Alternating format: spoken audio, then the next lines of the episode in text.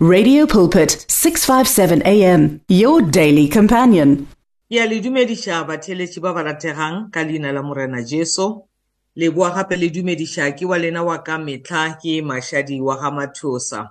Re sa bolela ka topiki ya rena abiding in him. Re bolela ka modimo o a nang le lerato. Baebele ge e bolela ka modimo e re ke modimo wa lerato.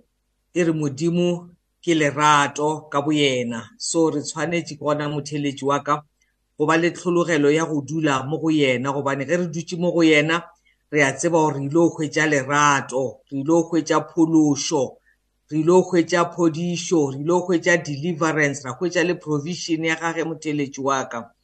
Dafita o bolela mantšu a gore ge ke dutse mo go yena where if I dwell in the secret place of the Almighty, you know, I will say of the Lord, He's my refuge, my God in whom I will trust. Ke modimo a tletseng ka lerato, ke modimo e leng gore ge re dutse mo go yena, He becomes our refuge.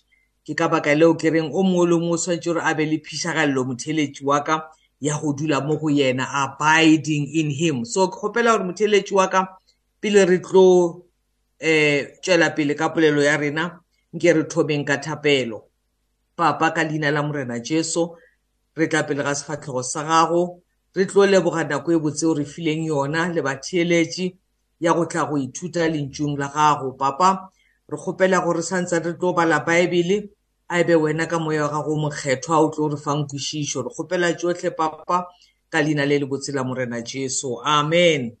Motheletši wa ka e ka ba e le gore gane jwale ke beke ya bone goba ya botlhano re ntse re dutse gona mo godimo ga topiki ye ene ke a dumela gore moya o halalelang o be a ntse a le thuša gore le ikwešiše moya o halalelang o ba ntse a le thuša gore mantšu a a se ka tloga mo tlhaloganyong.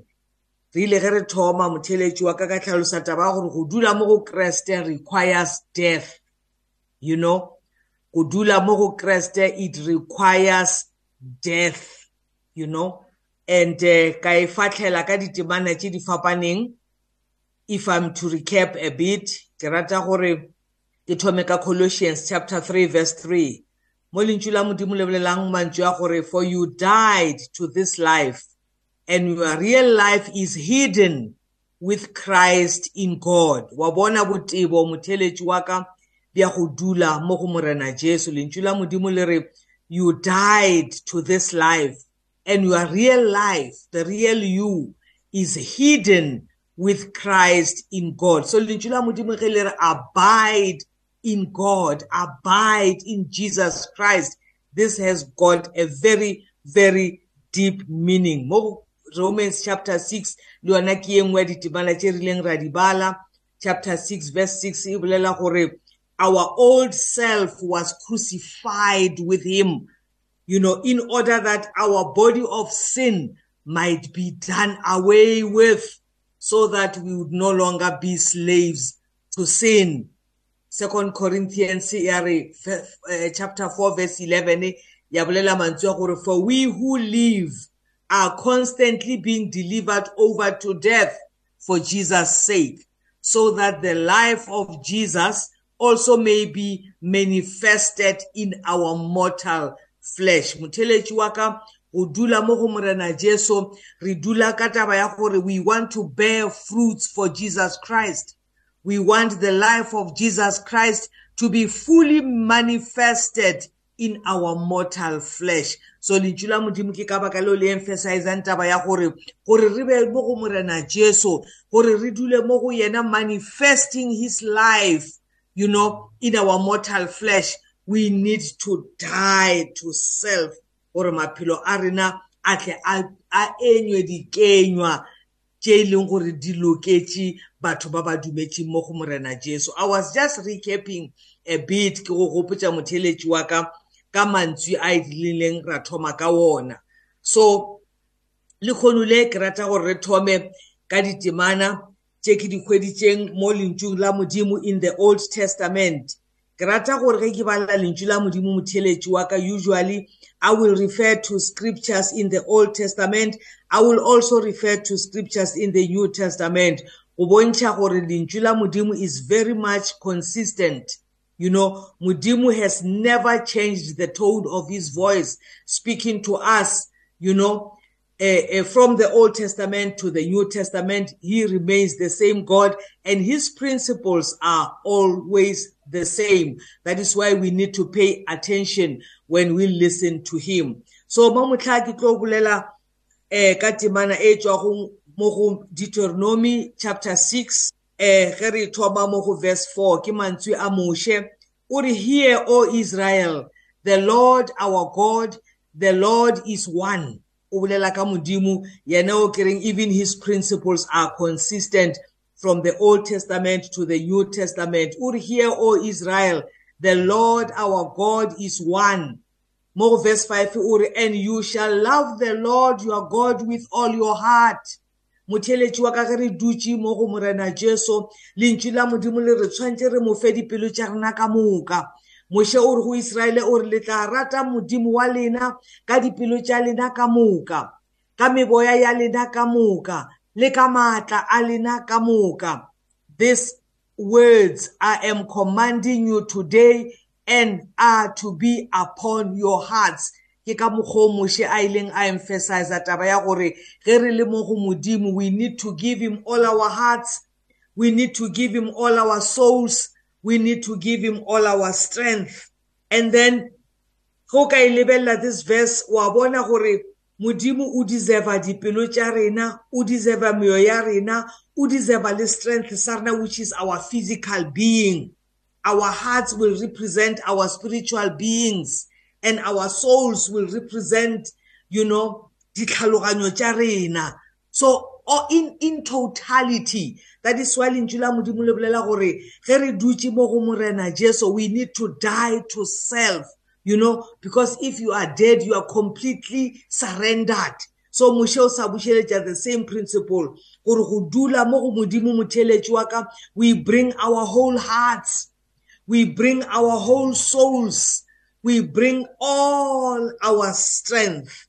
And then, interestingly enough, you know, ge o yo ya in the New Testament, o hwetša morena Jesu echoing the very same words tše di boletšeng ke moše in the Old Testament. Ke yona tabela ke le boditšeng ke re, you know, lentšu la modimo, the principles of God are consistent from the Old Testament even into the New Testament. go bala mo go Matthew chapter 22 verse 35 lentšu la modimo le bolela ka monna o e leng gore he was an expert in the law lentšu la modimo le re he tested the lord jesus christ with a question a ba botšiša morena jesu a re which command is the greatest in the law? Ke monna o beng a tseba molao. Bible he was an expert in the law. So o tlile mo go morena jesu ka knowledge ya gage ya molao a tlo go mo testa. A ba mmotšha re wena morena jesu wena moruti which commandment is the greatest in the law theeletša morena jesu ga mo araba in verse 37 echoing the very same words that come out of deuteronomy chapter 6 verse 5 ka mokgwa re e badileng o re lentšu la modimo le re jesus declared Love the Lord your God with all your heart. Mutelechwaka, this is the greatest in the law. Bible we should love the Lord with all our hearts. We should love the Lord with all our souls. We should love the Lord with all our minds. This is exactly the words that Moses repeated in the ears of the Israelites in Deuteronomy chapter 6. Mutelechi waka, I'm still talking about our topic, abiding in the Lord. You need to hand over your heart. Motheletši wa ka ge o dutše mo go morena jesu you need to hand over your soul. Ge o dutše mo go morena jesu you need to hand over your mind. Maatla gago ka moka a dule mo go modimo. That is why re bolela gore go dula mo go morena jesu go tshwana le lehu. Paulo o bolela mantswe a gore ga e sa le nna o ke phelang empa ke morena jesu o a phelang mo go nna. Ke galatians chapter 2 verse 20 o bolela mantswe a gore i have been crucified with christ. It is no longer i who live but christ lives in me. Ka mantswe a mangwe wa e lemoga principle motheletši wa ka ya gore ge motho a le mo go jesu kreste ge motho a tlhokofaditšwe mo go morena jesu o neela tlhaloganyo ya gage yo yotlhe o neela moya wa gage ka moka o neela le maatla a gage ka moka.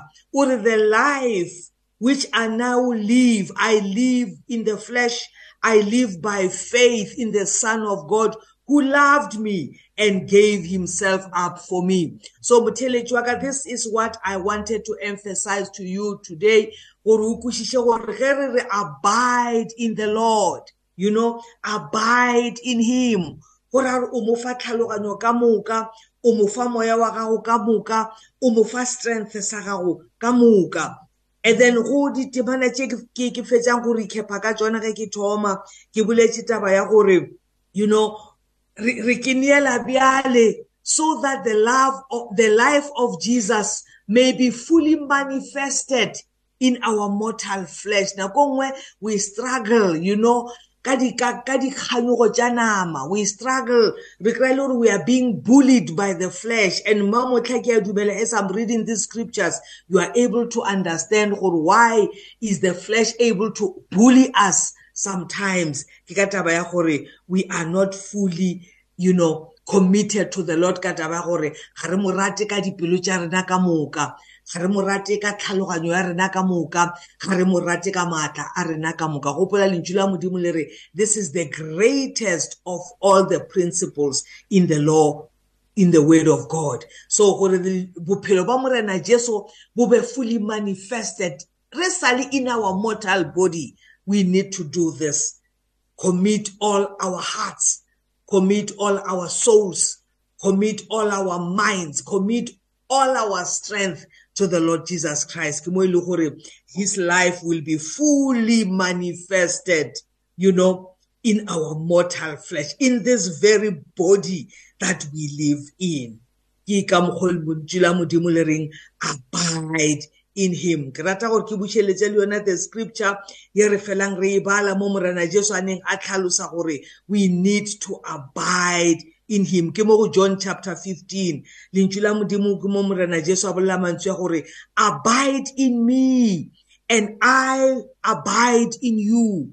Or just as no branch can bear fruit by itself unless it remains in the vine neither can you bear fruit unless you remain in me motheletši this is so clear you know there is no way we can fully manifest the life of Jesus Christ still in this body of flesh if we don't abide in Him as the vine. And remember, it's abiding in Him involves committing all our strength, committing all our our mind, committing all our hearts to Him. That is abiding in the Lord Jesus Christ. Uri, no branch can bear fruit by itself unless it remains in the vine. Neither can you bear fruit unless you remain in me. Uri, I am the vine and you are the branches and the one who remains in me and I in him will bear much fruit for apart from me you can do nothing. So motheletši wa ka unless we implement all these principles in our abiding the flesh will continue to bully us into living the life of sin. So morena jesu o re fa a formula. O re re dule mo go yena. Re mo rate ka ditlhaloganyo tša rena ka moka re mo rate ka maatla a rena ka moka re mo rate ka dipelo tša rena ka moka. Ke mo e leng gore we will be able to bear much fruit. Ke a dumela gore motheletši wa ka these words are are becoming clearer, clear and clearer to you. Ge ke repeater some of the scriptures ge ke bolela le lena. Lentšu la modimo le re we are crucified with Christ. Ga e sa le rena ba re phelang re dutše mo go yena. Empa ke Kriste Jesu wa phelang mo go rena. So that his life, the life of Jesus Christ, will be fully manifested in our mortal flesh. Motheletši wa ka nako e mpheletše empa re sana le nako bekeng e tlang gape ka labotlhano i encourage you to log in so that we can uh, uh, continue to learn ka yona taba ya go bolela taba ya gore we need to abide in the lord jesus christ in order to bear much fruit. A modimo wa khutso a le tlhogonolofatše amen. The words of the lord are words of life your heart is on 657 AM. 657 AM. Radio for believers in action.